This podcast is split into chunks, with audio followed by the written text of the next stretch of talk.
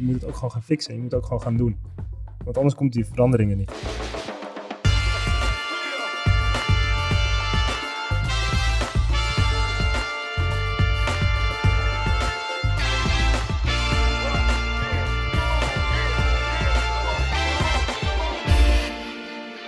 Hallo, goedemorgen, goedemiddag, goedenavond of wanneer je dit ook luistert en welkom bij de Brief, de podcast over content, marketing en media. Vandaag is het 15 juni 2020. Het is een lange tijd sinds je ons hebt gehoord, maar zoals je al hoort aan de kwaliteit van deze show, zijn we weer terug in onze geliefde studio. Dat betekent ook dat er een einde is gekomen aan Briefly. Uh, we doen de thuiswerkerseditie en voorlopig en hopelijk uh, niet meer een officiële aflevering van onze volwaardige show, The Brief dus.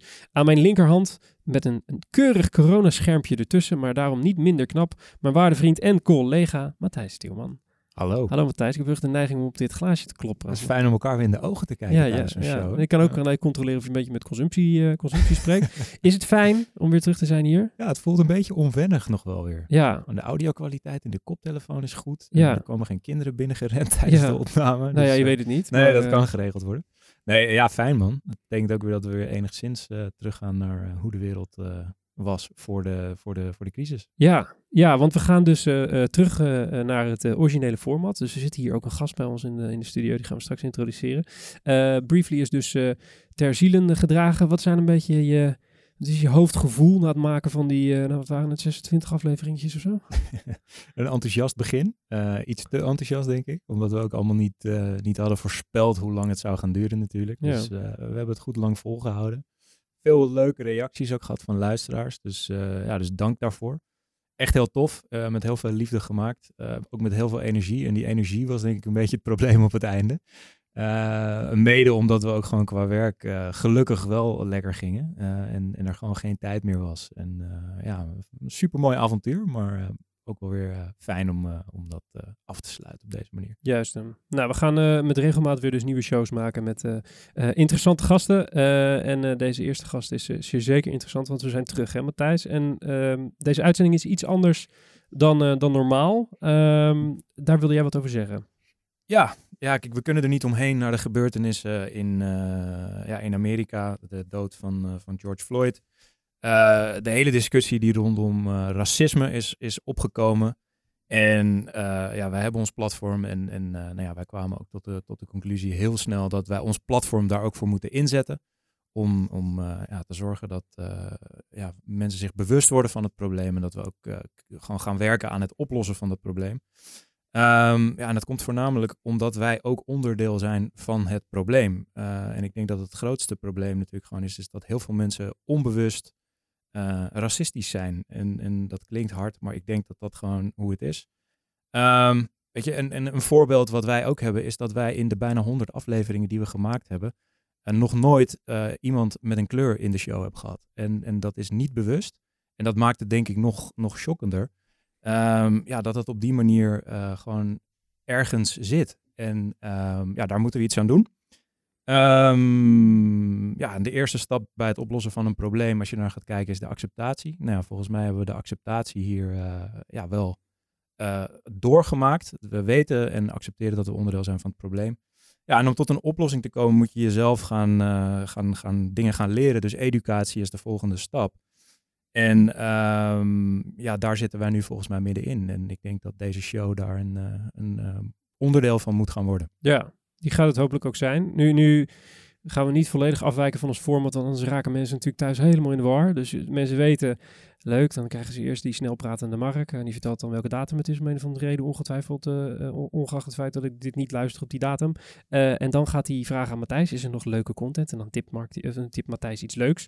Uh, dit keer tippen we iets wat een beetje in lijn ligt van het thema van deze aflevering, hè? Ja. Vertel. Ja. Nou, ik heb gewoon een, een lijst gemaakt van de dingen die ik gelezen of gekeken heb de afgelopen uh, tijd rondom dit onderwerp. En, en waar ik eigenlijk tot, tot de conclusie kwam al heel snel is dat ik al heel lang dingen kijk die over dit onderwerp gaan. Uh, Do the Right Thing van Spike Lee um, is al 25, 30 jaar oud volgens mij die film. Een uh, aantal keer gezien. En um, ja, nu in één keer kijk ik anders naar die film, wat, wat gek is. Dus uh, kijk die. ik heb de documentaire 13th van Eva DuVernay op Netflix. En um, ook de, de serie die zij gemaakt heeft over de uh, Central Park 5, When They See Us. Ehm, had ik ook al gezien. Maar in één keer kijk je daar ook met andere ogen naar en, en komt het zo hard binnen. Dus, dus ga die ook kijken. Eh, een post van Trevor Noah op Instagram, die kreeg ik doorgestuurd van, eh, van mijn vriendin. Eh, waarin hij 18 minuten lang gewoon hardop nadenkt over wat het probleem is. En zo treffend formuleert wat er aan de hand is. John Oliver op, op YouTube over policing. En dan, als je niet de tijd hebt, raad ik je aan om, om de laatste vijf minuten te kijken van die film. Waarin ja, een filmpje laat hij dan zien over een dame die, die uitlegt waar de woede vandaan komt. Um, eerder getipt ook in deze show de documentaire Demon of Diva over Sylvana Simons. Um, om, om ook gewoon een lokaal voorbeeld te laten zien van, van wat er aan de hand is en hoe deze vrouw verguisd is um, ja, in een strijd die nu in één keer heel actueel is.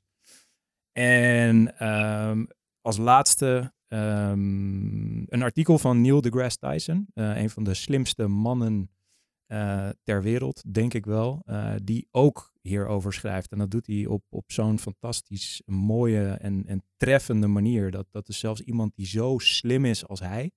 En, en waar de hele wereld respect voor heeft, dat ook hij enorm veel last heeft ondervonden gedurende zijn hele leven van, uh, van uh, ja, geïnstitutionaliseerd racisme. Um, ja, kwam ook keihard binnen. Dus dat is ook een, uh, een zekere tip om, om te lezen. Tof. We zetten alles uh, keurig op een rijtje, zodat uh, iedereen dat daar kan doorklikken en bekijken. mooi, mooi lijstje. Um, zoals gezegd, tegenover ons zit een gast, zoals iedere aflevering van de Brief. en dat is in dit geval co-founder en managing director bij Hammerfest, Social Creative Agency. We hebben het over Baba Touré. Baba, hoe is het met je? Goed. Ja? Ja. Heb je een beetje... Nou ja, het is vragen naar het bekende weg, maar was het een, een fijne week voor je? Het was een hele heftige week. Ja. Dus het gaat wel goed. Ik ben wel echt moe. Dus ik ben echt uh, gesloopt eigenlijk. En al sinds vorige week. Uh, maar het was wel een goede week. Uh, omdat ik wel het gevoel heb dat we nou, eindelijk een beetje de boel in beweging hebben kunnen zetten. Of mensen ook hebben kunnen wijzen op wat er nu speelt. Of hun ogen hebben kunnen laten openen. Dus um, ja, in die zin goed. Maar het was wel intens. Ja, dat kan ik me voorstellen. Ja. Uh, we zullen straks, uh, want er zitten natuurlijk mensen te luisteren die denken, Babbe Touré, Hammerfest, we gaan het over een uh, agency en dan gaat weer zo'n directeur zijn bureautje zitten pluggen. Daar gaan we het niet over hebben. Misschien helaas voor jou of misschien juist niet. Aan het einde mag je jezelf alsnog wel even pluggen. Um, je zegt, ik ben, ik ben moe. Als we het hebben over podcasts, ben je recht, recht bekend met het medium? Is dit ja, ontspanning voor je? Zeker. Of moeten we je nog even het laatste staartje van de maandag door? Nou ja, ik ben, ik ben fan van podcasts. Ik moet zeggen dat ik ooit podcast mee gaan luisteren door jullie. Kijk. Dus uh, dat, is, dat is een mooi compliment. Absoluut, ja, dank je. En ehm, ik denk dat dat een jaar of vier geleden was. Kan dat? Ja, ja, ja. klopt. Toen dacht ik, was je er vroeg bij in die zin? ik dacht, ik moet meer weten over het vak. En dat kon met die podcast. Ja. Dus dat was heel fijn. En nu luister ik heel veel podcasts. Dus ik luister elke dag, elke ochtend eigenlijk. Als ik naar kantoor ga normaal. Ja. Nu ook weer, maar uh, een podcast. Dus dat is heerlijk. Ben je wel eens de gast geweest? Ook. Oké, okay, dus ja. dit is eigenlijk gewoon een vorm van ontspanning. We kunnen hier eventjes... Ja, maar nog nooit zo in de studio. Ah. Dus het is bij jullie wel echt uh, professioneel. Kijk, dat doen we allemaal om te verbloemen. Hè? Dat het eigenlijk gewoon een amateuristische band is hier. Uh, nou ja, welkom in onze studio. we gaan straks verder met je praten. maar eerst even dit. Goed, we zijn uh, nog steeds in onze mooie corona-proof studio. Plexiglas ertussen, alles hartstikke mooi geregeld en uh, uh, COVID-compliant, heet het zo hè, in mooi Nederlands. Um, zoals Matthijs net al zei, Baba, je bent de allereerste gast met een kleurtje, om het zo maar te zeggen. En dat zeg ik tegenwoordig met oprechte schaamte in mijn stem. nu besef ik, enerzijds schiet ik dan in mijn hoofd in de reflex, dit moet niet over ons, over Matthijs en mij gaan. Het gaat eigenlijk over jullie. Dat is een reflex die je in je hoofd maakt. Maar de afgelopen weken ben ik eigenlijk tot de conclusie gekomen dat dit juist wel ook over ons gaat. Uh, en dat maakt dit dus eigenlijk bijna ook een soort uh, reis voor uh, Matt en mij op zoek naar antwoorden en verklaringen en dergelijke. Um, nu voor de mensen die uh, zitten te luisteren en jou met name kennen als, uh, als founder van, uh, van Hammerfest, moeten we denk ik eventjes inkleden waarom jij hier nou zit. Eh, Ja. Los van de kleur van je huid natuurlijk. Ehm, jij schreef, schreef een stuk op, eh, op LinkedIn. Ja. Ehm, dat stuk had de titel Racisme. En in dat stuk verwijs je naar een, ehm, eh, naar een conference call die er was met 40 vakgenoten. Die ging over het onderwerp racisme en diversiteit. En eh, daarin schrijf je dat je eh, een beetje ontredderd, gefrustreerd eh, en enigszins verdrietig die call verliet. En vervolgens heb je in dat stuk uiteengezet eh, hoe je nou, gedurende je leven eigenlijk eh, te maken hebt gehad met dan wel bewust, dan wel onbewust eh, eh, racisme. Ik was benieuwd, wat is er precies in die call gebeurd, gezegd? Ja, er is een call opgezet door een, eh, een bureau in Amsterdam. En eh, die eh, eh, wilde iets doen rondom het onderwerp racisme. En eh, die vroeg mij en een paar andere vakgenoten ook van... hey, eh, vinden jullie het interessant om daarover mee te denken, om daarover gedachten te wisselen? Toen, ehm, dat werd op vrijdag geïnitieerd. En op maandag, vorige week maandag, was die call. En eh, bleek het groepje iets uitgebreider te zijn dan initieel het geval was. En waren het ongeveer 41 mensen nu. En eh, van die 41 mensen waren er, ik geloof, een stuk of 6, 7 mensen van kleur, met een kleur. En eh, eh, de rest was wit. En ehm, er kwam een gesprek op gang, waarbij je heel erg merkte dat, ja, dat het begrip er eigenlijk niet was. En ook het, de urgentie van het probleem niet altijd voor iedereen duidelijk was. En ook Zelfs nu niet. ja, zelfs nu niet. En ehm, nou ja, vorige week maandag niet. En eh, de urgentie van het probleem niet voor iedereen duidelijk was. Iedereen ook niet echt door had wat haar of zijn rol daarin was. En eh, misschien nog wel meer ook eh, het besef wat voor impact racisme heeft op het leven van mensen. Die ontbrak. En Waar, waar, waar, waar merkte je dat aan? dat merkte je aan opmerkingen die werden gemaakt, aan de gesprekken die op gang kwamen. En ehm, dat was echt heel frustrerend. Dus ik, ik hou er altijd wel van om juist ook met zo'n onderwerp, maar überhaupt eh, heel goed te kijken naar welke woorden ik gebruik en hoe ik iets overbreng. En dat lukte me niet. Dus ik had gewoon een trillende stem voor nou, 40 vakgenoten. En ehm, dat was gewoon pure emotie. En ik zat daarna ook echt, en dat zag je bij eigenlijk iedereen van kleur die in die call was, deelde die emotie ook. Dus je zag ook daarin van, nou, dit, dit, dit is gewoon echt een probleem, wat nu eigenlijk waar iedereen, waar iedereen mee geconfronteerd wordt, wat ja, voor ons eigenlijk al heel lang een probleem is. We En- kennen en- niet anders. En was het dan eh, dat men het, eh, het probleem bagatelliseerde onder de zo vaak gehoorde eh, opmerkingen? Ja, of wat, wat, wat inderdaad. werd er dan? Dus Kun je was het het, expliciet, kan je het expliciet maken? Nou, er werd ehm, eh, eh, gevraagd van, hey, wat, wat, wat kunnen we daaraan doen? Waarbij ook de gekleurde mensen het gevoel hadden van, hey, eh, eh, hoezo vraag je dat eigenlijk aan ons? En hoezo eh, gaan jullie ook niet eerst bij jullie zelf even te raden? van, hey, wat is het probleem? Wat is mijn rol binnen dat probleem? En om vanuit daar daarna het gesprek aan te gaan. En ehm, ja, ik denk dat heel erg ook het, het, gevoel heerste bij de mensen van hey, eh, racisme bestaat wel in Nederland. Tenminste, ik denk dat de meeste mensen die in die call zaten dat wel door hadden, want anders zit je niet in die call, denk ik. Maar eh, niet het besef hadden welke rol ze zelf spelen in dat systeem dat racisme in stand houdt in Nederland. Dat onbewuste element. Het van, on- eh, precies, want iemand zegt ja, maar ik ben niet racistisch.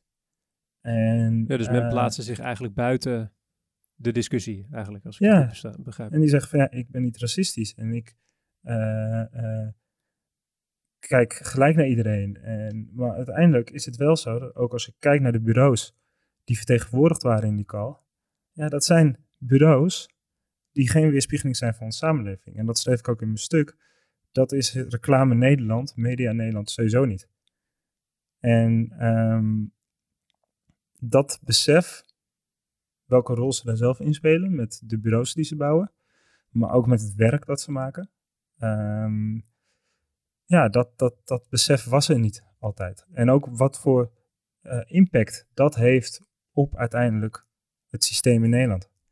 Hoe, hoe, verliep, hoe verliep de call verder? Ik, ik, je zegt, ik, ik kreeg zelf een, een trillende stem, Ja. waar, waar, waaruit ik concludeer dat je waarschijnlijk niet heel veel eh, kon Ik zeggen. kon niet heel goed mijn punt maken. Nee, eh, En nou, dat vond ik vervelend, want ik had zoiets van, ja shit, weet je, helemaal bij zo'n onderwerp die je zo dichtbij staat, dan wil je het gewoon goed doen. En dan wil je gewoon precies kunnen verwoorden wat je denkt of wat je voelt. En dat lukte me niet, omdat de emotie de overhand nam. En uh, wat ik net ook al aangaf, van, hey, dat gebeurde bij meer mensen met, met kleur in die call.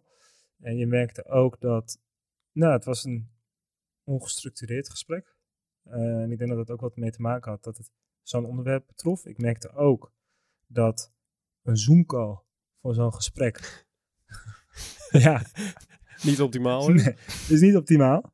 En, um, uh, uh, maar ik ben wel heel blij dat het gesprek geweest is. En um, omdat het gesprek, denk ik, ondanks dat het maar 40 vak, 41 vakgenoten waren in die call, uh, heeft het gesprek wel heel veel andere dingen in gang gezet binnen de branche of bij individuen. En um, uh, ik denk dat dat goed is geweest. Ja. Nu, denk je dat dat kwam door die call of door het stuk wat je hebt geschreven? Nou, ik denk dat. Uh, ja, dat weet ik niet. Ik denk dat mijn stuk wel heeft bijgedragen. Dat zeker. Maar ik denk dat naast mij hebben ook andere mensen hun ervaringen gedeeld. En ja. dat heeft ook bijgedragen. Heb, heb, je, heb je contact gehad met. Uh, je hoeft niet uh, man en paard te noemen. Dat, dat, is, dat is niet zo chic, denk ik. Maar heb je contact gehad met de organisatoren van die call? Om, ja. om, om wat, wat zeiden ja, ze? Ik heb zowel daarvoor als daarna contact gehad met de organisatoren van die call. En um, ja, die gaven ook aan dat dat besef er nog niet was. En uh, hoe groot eigenlijk het gegeven is waar we mee te dealen hebben en wat voor impact dat heeft. En, uh, uh, en hun rol daarin. Dus dat, dat, dat besef is ze, gaven ze aan wel daarna. Ja. Heb je ook nog negatieve reacties gehad erop? Of, of was bij iedereen Op die call? Ja. Nou, ik denk dat iedereen best wel schrok. En dat, er zaten ook best wel wat mensen in die kenden persoonlijk. En die zagen ook van, nou ja, wat het met mij deed, wat het met andere mensen deed. En um, die avond, het was vorige week maandag, ik geloof dat die call om vijf uur was. Ik ben daarna even gaan rennen nog. Ook even mijn frustratie uh, eruit geprobeerd te rennen. Ik heb nog nooit zo snel gerend. Persoonlijk record. Persoonlijk record. en um, daarna stond mijn telefoon rood gloeiend. En heel veel verschillende mensen uit die call die daar nog over wilden praten. Die uh, uh, nog verder over het onderwerp door wilden praten. En ja, dat is denk ik wel goed. Alleen het is wel van, ja. Maar het werd in die call zelf niet uh, erke erkend door iemand dat, dat ze zagen dat je er moeite mee had. Ja, dat werd wel erkend. Of dat zagen ze ook wel. Dus dat, dat, zag, dat was gewoon duidelijk voor iedereen. Ja, maar het werd niet benoemd, dat bedoel ik meer. Nou, het werd wel benoemd. Alleen, ja, ik moet zeggen dat uh, het was een uh, hele bijzondere call. En uh, ik kan ook niet alles reproduceren, omdat ik gewoon best wel echt in mijn emotie zat ja. tijdens die call. Ja, dat kan ik me voorstellen. Althans, dat kan ik me niet voorstellen. Ja. Maar ik kan me wel voorstellen dat je dus dan nog vol zit met emoties, dat je dan uh, niet helemaal meer weet wat er gezegd werd. Uh, wat we wel weten wat je gezegd hebt, is wat er in je stuk staat, want dat ja. staat in het stuk. Um, uh, je, hebt, je hebt kort na die call heb je dat stuk geschreven op LinkedIn. Laten we eens beginnen bij het begin. Hoe, hoe is dat stuk ontstaan? Want je, je... Ja, ik, ik, wilde al iets schrijven. Ik, ik, um, toen de discussie of toen het gesprek in Nederland op gang kwam over dit onderwerp, toen dacht ik al van ja, shit, ik wil hier wel iets over publiceren. Of nou een Instagram post is of een LinkedIn bericht. Um, en ik was heel erg op zoek naar de vorm. En um, ik vond het ook heel lastig. Dus ik zat er ook een beetje mee in mijn maag. En ik dacht van ja, ik wil sowieso wat van me laten horen. Alleen wat of hoe, of dat, dat, dat, daar zat ik echt mee. En toen was die call geweest. En toen lag ik dus s'avonds in mijn bed. Toen kon ik niet slapen. En toen zei mijn vriendin van, hey, schrijf het even uit. Toen dacht ik van ja, dat is geen gekke. En toen heb ik het uitgeschreven. En ik heb het de volgende ochtend nog een beetje geredigeerd dat er geen spelfoutjes in stonden. Alleen, um, uh, toen ging het, het verhaal ook heel makkelijk eruit. Omdat het gewoon heel, ja, die emoties zat daar nog op dat moment. En uh, ik kon het ook uh, heel goed plaatsen in hetgeen waar ik dagelijks mee bezig ben. En dat is ja, reclames maken. Zou, zou je kunnen stellen dat die call bijna een soort vertegenwoordiging was van de, de, de, het probleem in de industrie? Ja, Heb je het zo, zo ervaren? Ja. ja. Wa- en was ook het- heel erg het, het, het probleem van, hey, eh, ja, en niet de urgentie ervan inzien. En eh, niet de eigen rol erkennen ja. die je hebt. En de macht die je hebt met hetgeen je aan het doen bent.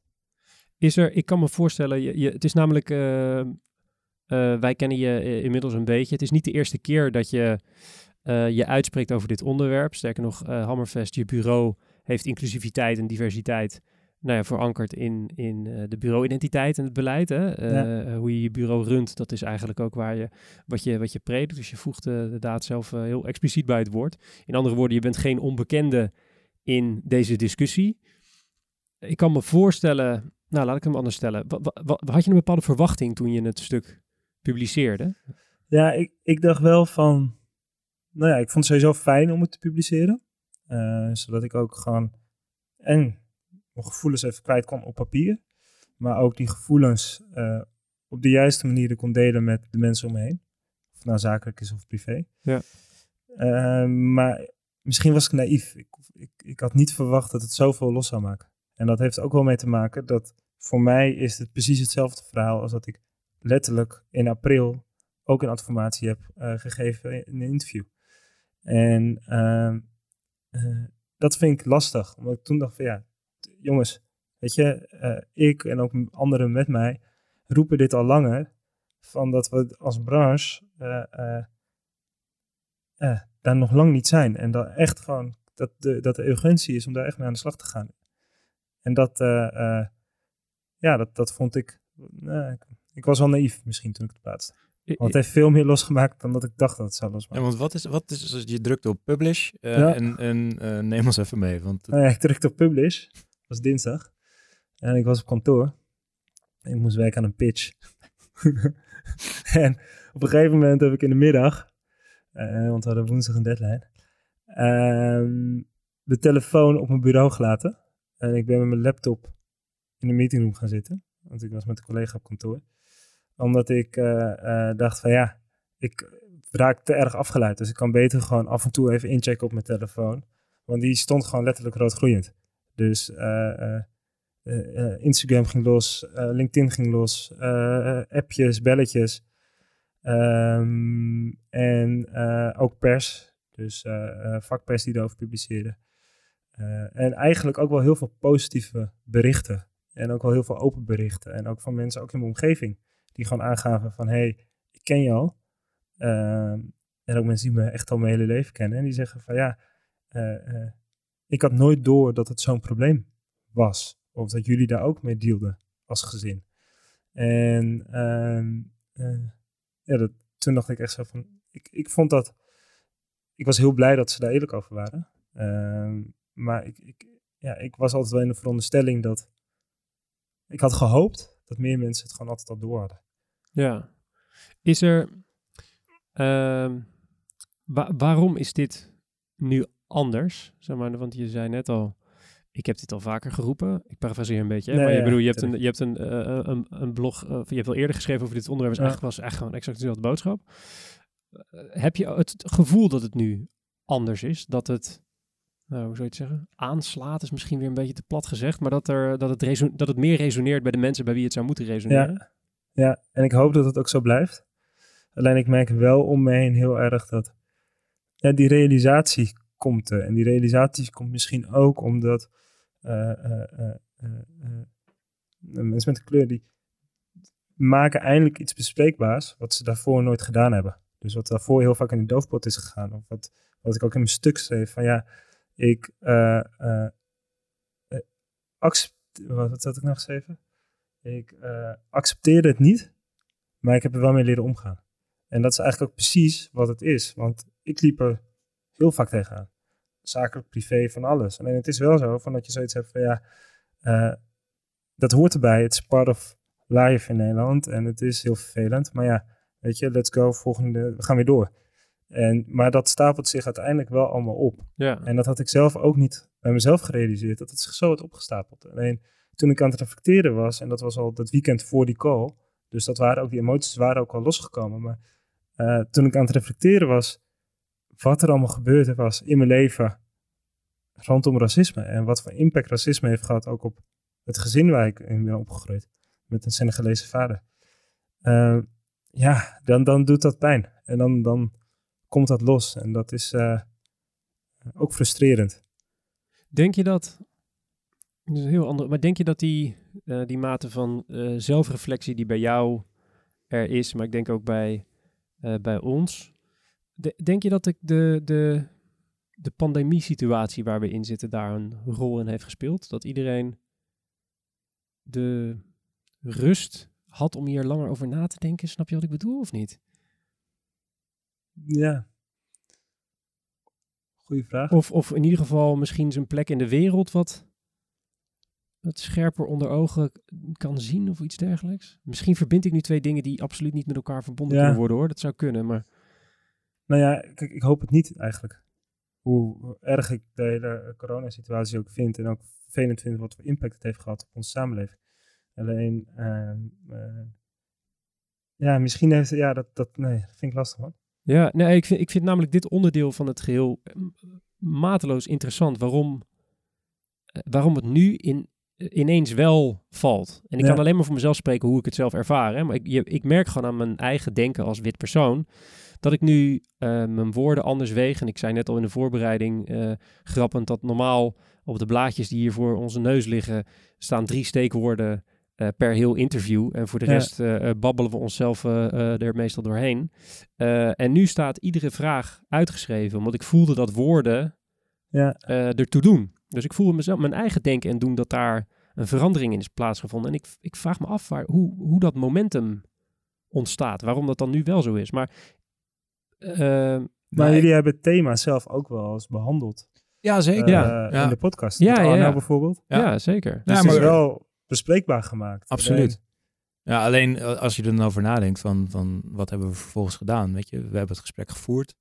Uh, wat goed is, dus we, we hebben het erover. We delen dat met, met onze industrie, met, met onze collega's in de business. Maar aan de andere kant, uh, ja, wat hebben wij vervolgens zelf gedaan? Uh, Meer witte mensen uitgenodigd. Ja, toch? Als je, ja. plat, als je, als je plat slaat. Nou, en, en dat. En, en er nooit over nagedacht dat het zo was, weet je wel? En, en dat is, ja, de, de heftigste, het heftigste besef wat ik zelf heb gehad, waar, waar, waar je tegenaan loopt van, waarom gebeurt dat? Weet je wel? En, en um, ja, dat vond, ik, dat vond ik moeilijk. En, en uh, daarom ben ik ook blij dat we het er nu gewoon zo over kunnen hebben. En, en inderdaad, is dat besef is de allerbelangrijkste stap. En vervolgens kan je gaan werken naar een oplossing. En, uh, ja. Is er, is er uh, Baba, bij, bij, jou, bij jou een, een mate van argwaan over de manier hoe het nu ineens wel bespreekbaar lijkt misschien? Ik kan me namelijk ergens indenken dat uh, precies wat je zegt is namelijk waar. We hebben het in deze show, om dit eventjes als voorbeeld te nemen, er vaker over gehad en niet naar gehandeld. Nu hebben we het er weer over. Jij hebt het al eerder gezegd op verschillende plekken. Is er weinig veranderd? Bijna eigenlijk helemaal niets. Speelt ergens jouw argwaan, is het misschien woord, ik weet het niet, maar uh, hou je een slag onder de arm, laat hem zo even, stellen, als het gaat om verandering? Nou ja, ik, ik uh, uh, ben wel positief ingesteld, dus ik hoop het niet. Ik hoop dat het ook echt nu een verandering is. Ja. Alleen, um, uh, ik snap je vraag wel. Want het is wel zo dat ik wel denk van, oké, okay, is het geen trend waar iedereen nu op inspringt en zelf, zelfreflecterend doet? En over twee maanden is iedereen het weer vergeten. Ja, exact. Uh, en dan gaan we weer door als vanuit. En dat is wel iets waarvan ik denk van ja, ik hoop echt dat, dat het besef ook nu echt is dat we dit gewoon structureel in onze samenleving moeten oplossen. Is dat, is dat een sentiment? Hoe pijnlijk het ook is. Is dat een sentiment dat, dat openlijk gedeeld wordt door Heel veel, ik, wel meer mensen denken er zo over. Ja. ja. ja, maar ik denk en ook... ik, ik kijk, het punt is ook van, uh, uh, ik voer deze strijd, om het zo maar te zeggen, uh, nu een jaar of vier. En bewust. En daarvoor onbewust ook wel, maar dat ik bewust me zo over uitspreek en daarmee bezig ben, doe ik misschien een jaar of vier. Ja, als je deze strijd al 25, 30 jaar voert. En in die 30 jaar zijn er dingen veranderd, maar zijn er heel veel dingen ook niet veranderd. Ja, dan snap ik wel dat je nu zoiets ook hebt van, ja, jongens, dat zeiden jullie vijf jaar geleden ook, ja, ja. tien jaar geleden ook. Ja. Zie, heb, heb je al een idee wat er structureel zou moeten veranderen? Zeg maar, de, de eerste stappen die we als industrie zouden moeten zetten om, om tot die oplossing te gaan komen? Als industrie? Ja. Ja. Ehm, ik denk heel erg in de spiegel kijken. En ook heel erg gewoon naar je bureau kijken. Of eh, om je heen en kijken van, hey, hoe ziet mijn bureau eruit? En is dat een weerspiegeling van de samenleving? En hoe komt dat? En eh, eh, toevallig heb ik ook even weer de podcast met eh, Arno teruggeluisterd. Want ik had hem al geluisterd en ik dacht van, ik ben toch wel benieuwd wat hij toen eh, precies gezegd heeft. Maar ook wat hij zei van, hey, hoe communiceer je als bureau? En eh, eh, we wachten als bureaus heel erg af vanuit eh, van, hey, ze kan wel bij ons solliciteren. Maar misschien is dat ook niet de oplossing. Als je echt wil veranderen als bureau. En moet je er ook op uitgaan om dat talent te vinden. En ook dat divers talent te vinden. En vind je dat de- divers talent niet eh, eh, eh, op de vuur in Amsterdam, om het zo maar te zeggen. Maar vind je die divers talent wel in andere wijken van Amsterdam. En dat is denk ik, of Nederland. En dat is denk ik wel iets waar we ons bewust van moeten zijn. En dat dat ook geld kost. Ja. Nou, dat is ook mij ook het meest bijgebleven. van, ja, je moet het gaan doen. Ja, nou dat is wat het gesprek met Arno, wat mij het meest bij is gebleven, is dat zij van, ja, maar zij willen hier niet eens werken waarschijnlijk, omdat het inderdaad, eh zij kijken gewoon naar de gezichtjes eh, Ja. op de, de, de about pagina Ja, en, en zien gewoon zichzelf daar niet in terug en Ja. kijken dus verder, weet je wel. En, eh, dat. En kijk, en uiteindelijk moet je die stap maken. En dat kost nu geld, want dat kost je misschien ook extra tijd en effort. Alleen uiteindelijk, on the long run, levert dat wel geld op. Daar heb je ook gewoon onderzoeken van. En zie ik dat nu ook gebeuren, eigenlijk bij hoe eh, organisaties nu reageren eh, op deze ontwikkelingen. Je ziet dat organisaties die divers zijn eh, en die daar iets van aandacht aan besteed hebben, en misschien te weinig, maar die daar wel iets aan aandacht aan besteed hebben, die zie je al reageren. En je ziet organisaties die niet divers zijn, die zie je nog niet reageren. Of die zijn nog bezig met een reactie, of die hebben al gereageerd, maar die hebben zich heel erg tegen de vlakte gehouden. En waarom komt dat? Omdat die, denk ik, het besef niet hebben van wat dit nou precies is. En ook bang zijn om te handelen en bang zijn om het verkeerde te doen. En dat is ook wel iets wat ik heel erg om me heen zie in de markt. Eh, eh, iedereen is onzeker daarover. En ik denk dat dat eh, ook goed. Nou, je moet daar doorheen. En je, eh, eh, het is ook goed om nu onzeker te zijn, maar doe wel iets. En dat is ook wel iets waar ik zelf tegenaan heb als ik met mensen nu om me eh, dit gesprek voer. Dat mensen aan jou vragen wat ze moeten doen, bedoel je? Ja. Ja, ja ik kan me wel... Ook mensen die ik gewoon nog nooit eerder heb gesproken. Die me dan vragen of ze even kunnen bellen. En heel kwetsbaar zich naar mij opstellen. Dat ze niet weten wat ze moeten doen. En dat ze daarmee met hun handen in hun haar zitten. Maar dat ze wel heel goed doorhebben dat wat ze nu aan het doen zijn, dat dat niet het juiste is. vind, ik- vind ik in die zin wel bijzonder, want ze stellen zich dus heel kwetsbaar op naar jou. En, en eh, het zijn allemaal merkdenkers die Ja. ook zouden denken van, nou, wees echt. Is volgens Ja. mij iets wat, wat je als merk ook vaak te horen krijgt. En dat ze dat dan in die situatie over hun eigen merk gewoon niet zo goed durven. Dat ze dan heel erg gaan zoeken en, en in stilte vervallen. Ja, In plaats van dat ze eh, ja, gewoon ervoor uitkomen dat ze het niet zo goed weten, maar dat ze wel onderdeel willen zijn van de verandering. ja. En, en ehm, over hun eigen merk, maar ik denk ook over hun eigen persoon. Wat- omdat kan, het- kan je dat dus uitdiepen? Wat bedoel je dan? Nou ja, ehm, eh, ze zijn dan onzeker omdat ze in een organisatie zijn die niet divers is. Mhm. Dit was toevallig vandaag die ik sprak als een organisatie van 60 personen, waar maar twee mensen met eh, eh, eh, twee mensen van kleur waren, om het zo maar te En dat, dat zes- twee op 60. Dat is, eh, vind ik heftig. En eh, eh, eh, ze realiseerden zich dat ook. Eh, eh, maar ze had nu ook van, oké, maar en nu? En eh, eh, ja, buiten het feit dat ik eh, eh, het wel fijn vind dat ze zich zo kwetsbaar opstelt, heb ik ook wel zoiets. Ik denk van, hey, je moet het ook gewoon gaan fixen. Je moet het ook gewoon gaan doen. Want anders komt die veranderingen niet. Begin met je eerste stap. Precies. Ja, En dat wilde die persoon in kwestie ook wel. Mhm. Dus eh, eh, dat zeker. Alleen, dat is wel wat ik denk eh, als ik om me heen kijk. Juist. Dus ja. Ja, want ik, je, je legt dan natuurlijk eigenlijk weer de verantwoording voor het verzinnen van een oplossing eh, bij degene die het probleem niet is. Precies. Dat is eigenlijk wat je zegt, toch? Ja. Ja, ja ik, ik, ik, En dat was dus ook wat tijdens die call heel erg naar voren kwam. ja. ja, wat kunnen we voor jullie doen, zodat jullie je weer fijn gaan voelen in iets? Ja, of wat, Ja, wat ja. moeten we doen? Ja, precies. Ja, En eh, eh, ja, ja terwijl die, die... Ik ken, ik ken dit gevoel namelijk. Ik kan me heel erg... eh, ik kan me dat gevoel van die mensen in die call heel erg... Dat kan ik heel erg voelen, hoe die zich voelen. Waarschijnlijk omdat ik eh, dezelfde kleur heb. Dat je in deze periode heel erg geconfronteerd wordt met je eigen gebrek aan zelfreflectie op dit onderwerp als wit persoon. Ja. Omdat je eh, het heel vaak erover hebt gehad, maar nog nooit echt de noodzaak of urgentie hebt gevoeld om eh, bij jezelf te raden te gaan van hoe denk ik hier nou over? Wat vind ik hier nou van? Wat is mijn rol nou precies in dit gesprek? En dat je daarom eh, te raden gaat bij mensen die hier wel tussen aanhalingstekens heel erg mee bezig zijn, Ja. op zoek naar advies. Terwijl dat advies dan is te vinden in jezelf.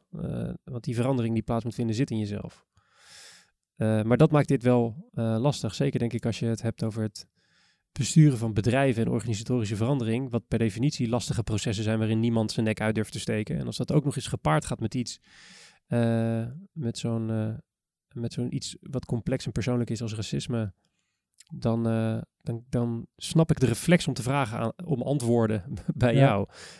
En terwijl ik ook heel goed kan voorstellen dat, ja, dat jullie, jullie zeg ik dan, maar dat je niet het gevoel hebt, jij persoonlijk, eh, dat jij degene bent die antwoord moet geven. Wat is, wat is dan, probeer hem rond te praten naar een vraag. maar als, als ik het is een beetje een wandeling door mijn eigen hoofd hoor. Ja. Maar als je, eh, eh, wat, wat zou een, ehm, laat ik het zo zeggen, hoe, hoe, wat is de rol die jij vindt dat jij persoonlijk dan hebt in die verandering? Vind je iets, is het dat het agenderen? Eh, laat ik het anders stellen.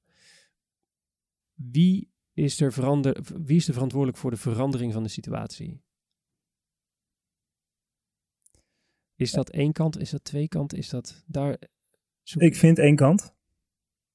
Eh, want daar ligt het probleem nu. Ja, Eh, dat we eigenlijk geen wij zijn. Hoorde ik in de podcast vandaag, vanmorgen. Toen dacht ik van ja, ja shit, dat is. dat klopt. Nee, je hoort het ook aan hoe ik het, hoe Ja. ik worstel met mijn woorden om het, om het te, weet je, dat, ja, dat zit zo verankerd in de taal onterecht. Ja, en het, Ja. het ding is ook dat eh, jij hebt ook niet alle antwoorden, denk ik. Nee, En we zullen met z'n allen die antwoorden moeten vinden. En je gaat alleen maar antwoorden vinden door dingen te doen en daarvan te leren en dat met elkaar te delen. Ehm, en ja, maar nu- goed, Baba, als ik, jou goed, Ja. als ik je goed begrijp eh, of goed hoor, eh, zeg jij de oplossing ligt bij degene die die het Het probleem heeft. veroorzaakt. Maar eh, dat neemt niet weg. Is mij ook een telefoon of niet? Dat neemt niet weg dat. ehm, eh, dat vind ik, klopt. En ik sta er zelf wel constructief in. En ik heb wel zoiets van: hé, hey, ik wil die betere toekomst voor mijn kinderen. Ik wil dat mijn kinderen niet met discriminatie racisme in Nederland geconfronteerd wordt, zoals ik dat wel heb gehad. Dus ik zal daar ook alles aan doen wat binnen mijn macht is om dat te kunnen doen. En dat is dan voor mij binnen de reclame, want dat is mijn vak. Eh, maar ik zal daar ook wel, ook buiten de reclame bij de mensen om me heen, heel erg eh, eh, met het bewustzijn bezig zijn. Wat ik al ben, maar wat ik ook zeker zal blijven doen. Ja, En daarom hoop ik ook dat het niet een trend is, maar dat dit gewoon echt een, een omkeer is. Eigenlijk een, shift. ja. Je, je- in, het, in het stuk eh, waar we nu elke keer naar refereren, wat Ja. we overigens ook gewoon in de show notes stoppen en wat eigenlijk iemand eerst moet lezen voordat we dit interview induikt. Dat had ik eigenlijk net moeten zeggen, maar mocht je het nu luisteren, klik dan alsnog eventjes, zet je hem gewoon even op pauze. In het stuk wat je hebt geschreven zeg je, eh, niet letterlijk, dus ik parafraseer een heel klein beetje, maar de beeldvorming die wij creëren vanuit advertising, reclame, die reflecteert eh, niet, of die is geen vertegenwoordiging van de samenleving. Dat is een van de dingen die we moeten oplossen, eh, want daar zijn wij namelijk als industrie verantwoordelijk voor. Ja. Eh, ofwel kleur wordt niet genoeg vertegenwoordigd in het beeld wat wij schetsen naar de wereld toe van hoe de wereld in elkaar steekt eigenlijk. Hè? Dat is Ja. wat, je, wat je volgens mij zegt.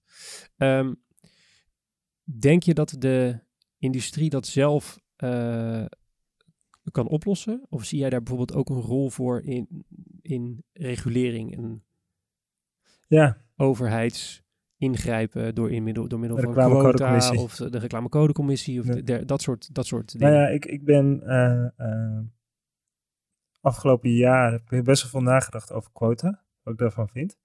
En ik ben wel tot de conclusie gekomen dat ik het voor nu wel goed vind, quota. Omdat ik ook wel geloof dat we het, eh, het doorheen moeten forceren, om het zo maar te zeggen. Dat mensen daarover gaan nadenken. En dat als je dat in het begin doet en je gaat een divers bedrijf creëren, je- ontwikkelt je als divers bedrijf, zal het in het begin ook niet, niet makkelijk zijn. En als je dan een quota hebt, dan hou je daarin wel een, nou, een, een, hoe noem je dat, een eh, voet achter de deur of een stok achter de deur. Alleen eh, eh, hetzelfde geldt eigenlijk ook voor representatie in de uitingen die we ontwikkelen. En ehm, eh, wat je nu bijvoorbeeld wel ziet, en dat was ook een artikel van NRC van een paar jaar geleden, van hey, als je kijkt naar de uitingen, zie je tegenwoordig ook wel donkere mensen. Alleen eh, eh, vaak wordt gekozen voor een lichtgetint iemand. Want dat is, vind ik, denk ik, dat dat wordt gezien als een veilige keus. En zie je ook vaak dat ze niet de hoofdrol hebben. Of een bij, dat ze vaak een bijrol hebben. En de keren dat er echt een volledig donker gezin eh, eh, in het middelpunt stond van de commercial. Volgens mij heeft eh, eh, Plus dat eh, een keer gedaan. Eh, maar verder heb ik het nog heel weinig gezien. Ik moet ook eerlijk zeggen dat ik er geen enkel voorbeeld van ken. Ja, ik ken er eentje van Plus, geloof ik. Ja, iets of... of Met een man eh, eh, die. Van een man en een vrouw. En dat die man aan het trainen is. ja, en, klopt ja. eh, Die ja. op dat feest. Ja. Die dan dat pak weer moet passen. Ja, precies. klopt. Maar ja. kijk, Ja, en dat, ja. dat is dus wel van, hey, eh, eh, waarom durven merken dat niet? En waarom durven bureaus dat niet? Omdat ze bang zijn dat de Nederlanders eh, zich daar niet, de witte Nederlanders zich daar niet in kunnen herkennen in de situatie die dan geschetst worden. En eh, eh, dat is denk ik wel iets waar we doorheen moeten als samenleving. Dat dat ook normaal wordt. ja. Want de samenleving verandert ook. Dus het is nu ook gewoon zo van. eh, ik denk dat dit onderwerp alleen maar relevanter wordt. Door de jaren heen. Mijn nichtje, die heeft, ik geloof, vier nationaliteiten. Dus het is het dochtertje van mijn zus. Ja. Dus je ziet al dat het van generatie op generatie Ja. Zich doorontwikkelt. Ja, we doen, we doen eh, bij WPK, uh, Ooyenpakker kent moet ik zeggen, doe ik zelf. eh, doen we veel onderzoek naar jongeren. En daar zie je al een duidelijk verschil tussen eh, generatie Z en millennials in mate van eh, geëngageerd zijn, laten we het zo stellen. Op het gebied van dit onderwerp, maar ook op het gebied van gender en op het gebied van duurzaamheid en op het gebied van. En daarin zie je al dat waarschijnlijk de vrijheid van informatie en het opgroeien in een multiculturele samenleving daar al veel meer impact heeft dan pakweg een generatie eh, voor hen. Ja. Eh, Ik dus- zie dat ook terug hoor, trouwens. Ja. Dus ik heb dit, want ik heb dit verhaal al vaker verteld. eh, bijvoorbeeld ook bij de Effie Campus, eh 24 Festival. En 24 Festival was gericht op studenten. En ehm, ik heb nog nooit zulke goede reacties gehad op ons verhaal. Dat was van die studenten. En je zag ook dat die studenten eh, dat meer zagen als van, hé, hey, dit is ook gewoon hoe het zou moeten. hoe het hoort. En hoe het Ja. hoort. En eh, de wereld waarin wij opgroeien. Nou, ik denk dat dat ook wel een ding is. Dat ehm, de mensen die, die nu eh, aan de touwtjes trekken, zeg maar, bij de wat traditionelere clubs, dat, die zijn gewoon wat ouder. Die zijn inderdaad in een andere wereld opgegroeid, waarin dit onderwerp nog geen onderwerp was. Ehm, en, en de jongere generatie groeit hiermee op. En die zullen dit ook in hun DNA hebben zitten. Voor hun is dit normaal. Dus ergens moeten we toe naar versnelling om... Ja, want het zou nu al normaal moeten zijn. Precies. En ook voor die oudere generatie. Ja. ja, en dan zou de quota eh, waar we mee eh, starten het, het, het breekijzer zijn waardoor je wellicht die organisaties open kan Ja, breken, is eigenlijk wat je zegt. Nou ja, dat je die wijk creëert. Ja. Ja, en je hebt natuurlijk wel kans dat op het moment dat eh, eh, mensen die eh, succes beoordelen op een Excel-sheet, als ze dat succes van zo'n divers bedrijf terugzien in cijfers, dat het alleen nog maar versneld wordt. Ja. Dat zou natuurlijk kunnen. En kijk, je hebt het ook, ik vond het wel een mooi voorbeeld, daar kom ik laatst op. Het Nederlandse elftal heb je het ook gezien. Dus buiten dat ik niet de details ken van hoe het nu is bij het Nederlands elftal. Alleen, je zag in 96, zag je richting de buitenwereld, zag je dat er echt, ik geloof dat het 96 was, EK in Londen, in Ja. eh, Engeland, Engeland. ja. waren twee groepen. Dat was nog met dat tafelincident. Ja, Ik was nog jong. Ik was een jaar of acht, denk ik. Nu staan Frenkie en eh, eh, Frenkie de Jong en Wijnaldum. Die staan naast elkaar. Ja. En die spreken zich uit tegenover racisme. En eh, eh, ik denk dat dat een heel mooi proces is geweest. Tenminste, nou, hoe het Nederlands elftal naar de buitenwereld toe communiceert. Ja. En eh, je zou je dat nu niet meer kunnen voorstellen. Dat dat twee verschillende groepen zou zijn. En dat het ook zo zou worden uitgespeeld in de media. Ja. Maar dat gebeurt dus kennelijk nog steeds wel gewoon in onze samenleving. Ja. Dat is wel wrang. Is er, is er een ehm, eh, is er een specifiek beleid bij Hammerfest? Of is het, als het gaat om diversiteit en inclusiviteit? Of is dat iets wat dusdanig verankerd zit in jullie bureau eh, dat werving zich automatisch langs die diverse lijnen. Ja, maar we zijn wel zelf actief op zoek.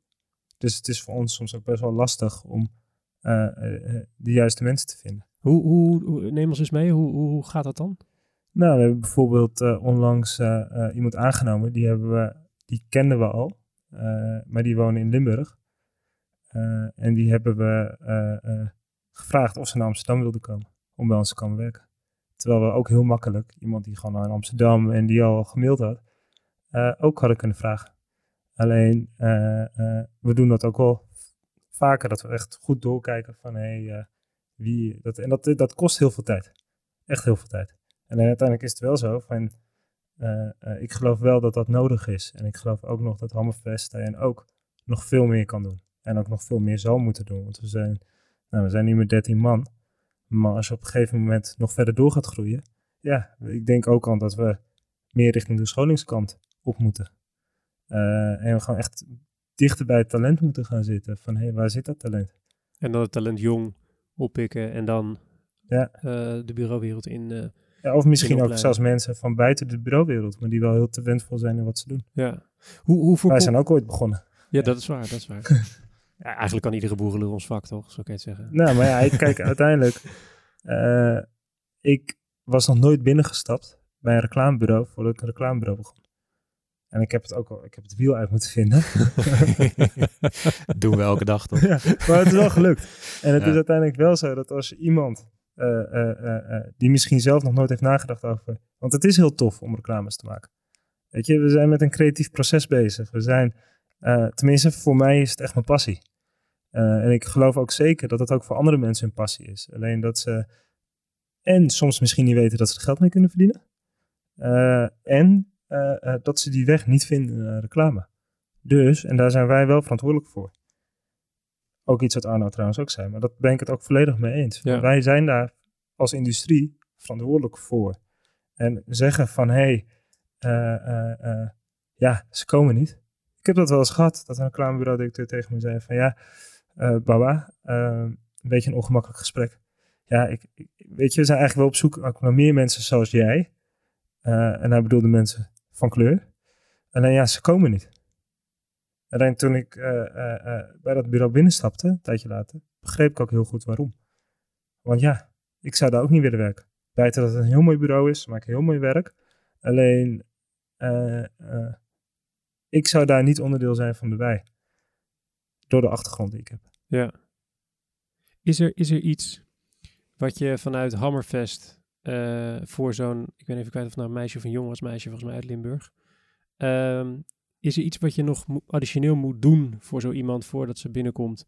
Het heeft een andere achtergrond ook. Ja, Dus precies. dat hebben we ook. Maar we kijken daar.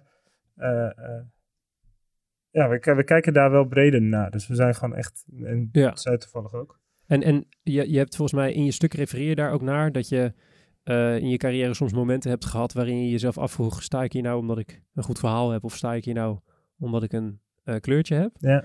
Zijn er eh, eh, dingen die jij vanuit je bureau moet doen naar nieuwe merknemers om ze duidelijk te maken, je bent hier niet omdat we onszelf profileren als een, een divers bureau, maar je bent hier omdat je gewoon heel goed bent in wat je doet. Dat dat zeggen we ook wel, want dat is ook zo. Want iemand vinkt ook al de bokjes af dat hij of zij goed is in het werk dat hij of zij doet. En uiteindelijk is het ook zo dat we ook een divers bureau willen. Dus dat je achtergrond daarin ook meespeelt. En dat net zo goed meespeelt voor een Nederlands iemand die ik aanneem. Want die zijn achtergrond speelt ook mee. En eh, eh, waarbij we daarbij ook nog eens kijken van, hé, hey, waar komt iemand vandaan uit Nederland? Omdat we dat eigenlijk ook wel interessant vinden. Want ik kom niet uit Brabant. Eh, als ik iets moet bedenken rondom carnaval, dan is het best wel lastig. Ja. En voor iemand uit Brabant is dat minder lastig. Ja. Ik weet niet of een van jullie uit Brabant komt. Nee. En ik heb een hekel aan carnaval ook. Dus eh, die, campagnes, ook. Ja. die campagne schuif ik lekker door. ja. Nee, maar, en, ehm, eh, maar dat, en kijk, uiteindelijk is dat denk ik ook met de plekken waarop ik kwam de afgelopen jaren. Want ik heb mezelf die vraag afgesteld van, hey, sta ik hier nu omdat ik donker ben? Of sta ik hier nu eh, eh, omdat ik goed ben in mijn vak? En uiteindelijk eh, heb ik het daar ook met mensen om, in mijn omgeving over gehad. En eh, eh, ook tot de conclusie gekomen van, hey, eh, ik ben ook wel goed in mijn vak, in sommige aspecten. En daardoor sta ik hier ook. Maar uiteindelijk speelt het ook een rol dat ik donker ben. En achteraf gezien heb ik dat toen niet bespreekbaar gemaakt. Met de mensen die me op die plek hebben gezet. Of gevraagd hebben voor bepaalde initiatieven. Alleen nu wel met sommigen. En ook gezegd van, hey, ik ben ook blij dat je dat gedaan hebt. Want daarmee doorbreken we het systeem. Heb je, ehm, ik wil niet elke keer weer terugpakken op dat stuk, maar dat is natuurlijk wel een beetje de aanleiding. Heb je, heb je negatieve reacties gehad op het stuk? Niet op het stuk. En eh, op het feit dat je. Ja, er, er was één iemand die zei van ja, dit is wel een eh, eh, verhelderend betoog, geloof ik. Naast al die rellers en schreeuwers. En toen dacht ik wel van ja, dat had er niet per se onder van. Maar goed, als diegene daar gelukkig van wordt, moet hij of zij dat lekker doen. Volgens mij was dan hij. En eh, ook omdat ik denk van ja, eh, anderen schreeuwen misschien. Maar dat heeft ook te maken met de emoties die ze door de jaren heen hebben opgebouwd. En ook de woede en teleurstelling die daar zit en de frustratie. En ik denk dat we dan eerder moeten gaan kijken van, hé, hey, waarom schreeuwen jullie dan? Of waarom gebruiken jullie misschien taalgebruik die de ander niet fijn vindt? Om te kijken wat daarachter zit, als we het probleem willen oplossen. En dan niet zomaar zeggen van, ja, je schreeuwt. Ja. En dat is dus ook wel iets waar ik zelf heel erg mee bezig ben geweest de afgelopen tijd. Om dat ook te kijken van, hé, hey, daar zit iets achter. Ja, daar zit natuurlijk En ook ik een snap, die, ik snap die emotie. Ondanks dat ik misschien sommige woordgebruik niet, eh, niet de keuze zal maken voor sommige woorden, snap ik heel goed de emotie die erachter zit. Ja. Ja, ja. Want dat is bijvoorbeeld ook met Aquasi. Aquasi is heel erg eh, afgelopen week nou, in een bepaald daglicht gesteld maar- door de media. dat is in die zin ook van, die stond daar gewoon hard op na te denken en zijn emotie te uiten. Ja. En, en niemand heeft het over zijn grotere boodschap, maar heeft het alleen maar over ja, bepaalde dingen die aangepakt kunnen worden.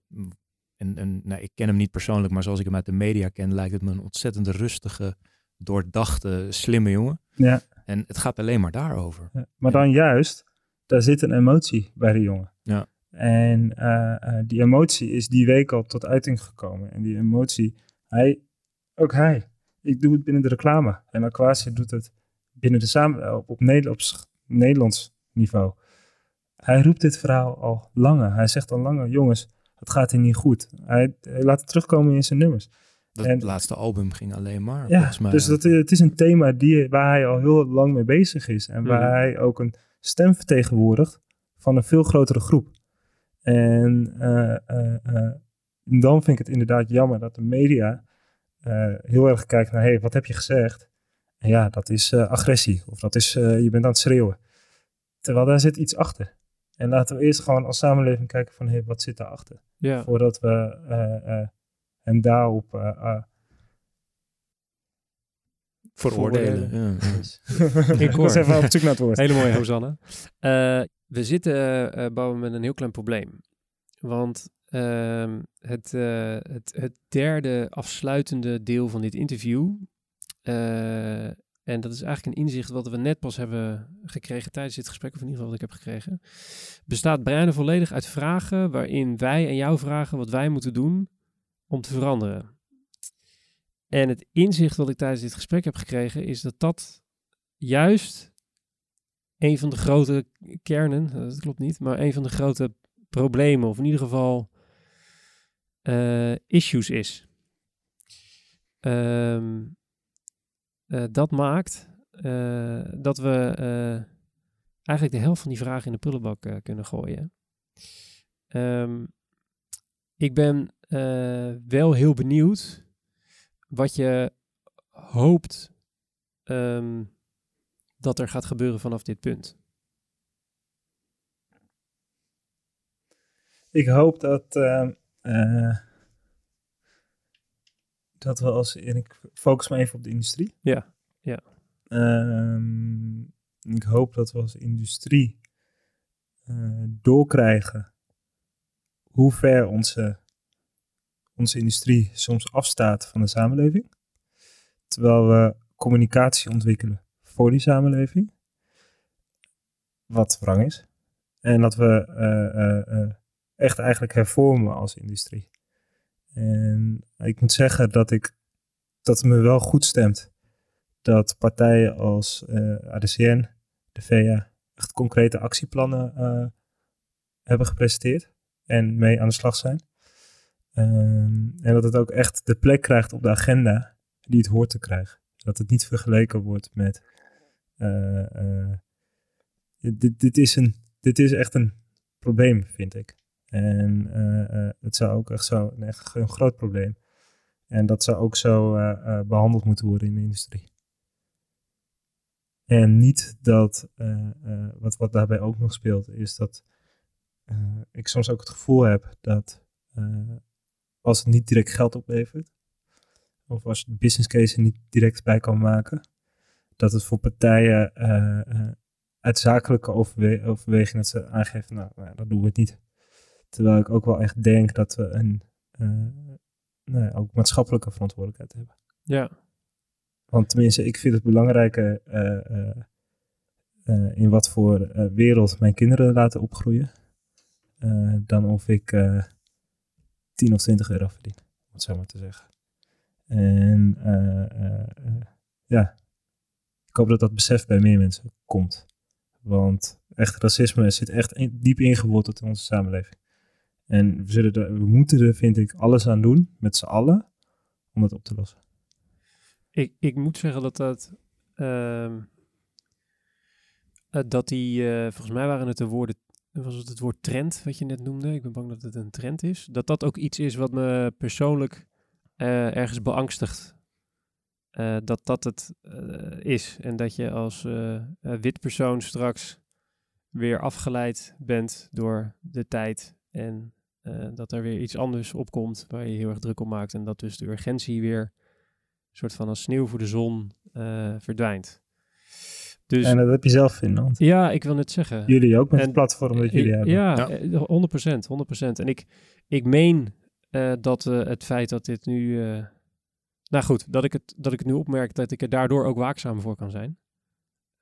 en ik meen dat die alertheid, dat, uh, dat ik die in ieder geval hiervoor nog niet heb gehad. Ik weet niet, Matthijs, hoe jij uh, de verandering in jezelf zou typeren, maar... Nou, zeker. Kijk, het is veel bewuster, weet je wel. En, en um, het gevoel wat je altijd had van ik ben niet racistisch, um, ja, dat, dat is veranderd, weet je. Het, het is er gewoon, alleen onbewust. En die bewustwording begint nu. En daar moet je dingen mee doen. En daar moet je wakker op blijven, weet je wel. Um, het, het, ja, als je het vergelijkt, het is een soort fout in de code die, die we in ons hoofd hebben zitten en als industrie. En als we die code niet herschrijven, zullen we continu dezelfde fouten blijven maken. Ja. Um, en het herschrijven van die code is een ontzettend moeilijke klus die energie kost, maar waar we dus ook bewust energie in zullen moeten stoppen uh, om het te fixen. Want anders dan zullen we steeds datzelfde cirkeltje blijven doorlopen. En, en um, ja, die verantwoording ligt, uh, ligt bij ons. En, um, en als industrie en als samenleving, denk ik. Ja. En ik denk dat dat ook uh, uh, dat dat ook speelt. Want we zijn ook allemaal gewoon individuen in de, in de industrie. En we hebben een rol zowel in de samenleving als in onze branche. En ik denk dat je in beide heel uh, bewust moet zijn, ook van de rol die je daarin kan hebben. Ook als je er tegen uitspreekt of dat je er tegen acteert als het gebeurt. Ja, al is het alleen maar die discussie wat je zegt inderdaad van de, als je een commercial maakt en, en je komt in een discussie met een klant van uh, het moet een wit gezinnetje zijn, dat je ook als bureau stelling kan nemen om te zeggen van jongens, dit is ook jullie verantwoordelijkheid. En, en uh, ja, alleen die discussie al voeren met je klant en niet klakkeloos meegaan van oh ja, de klant wil dit, dus um, doen we het zoals zij het willen.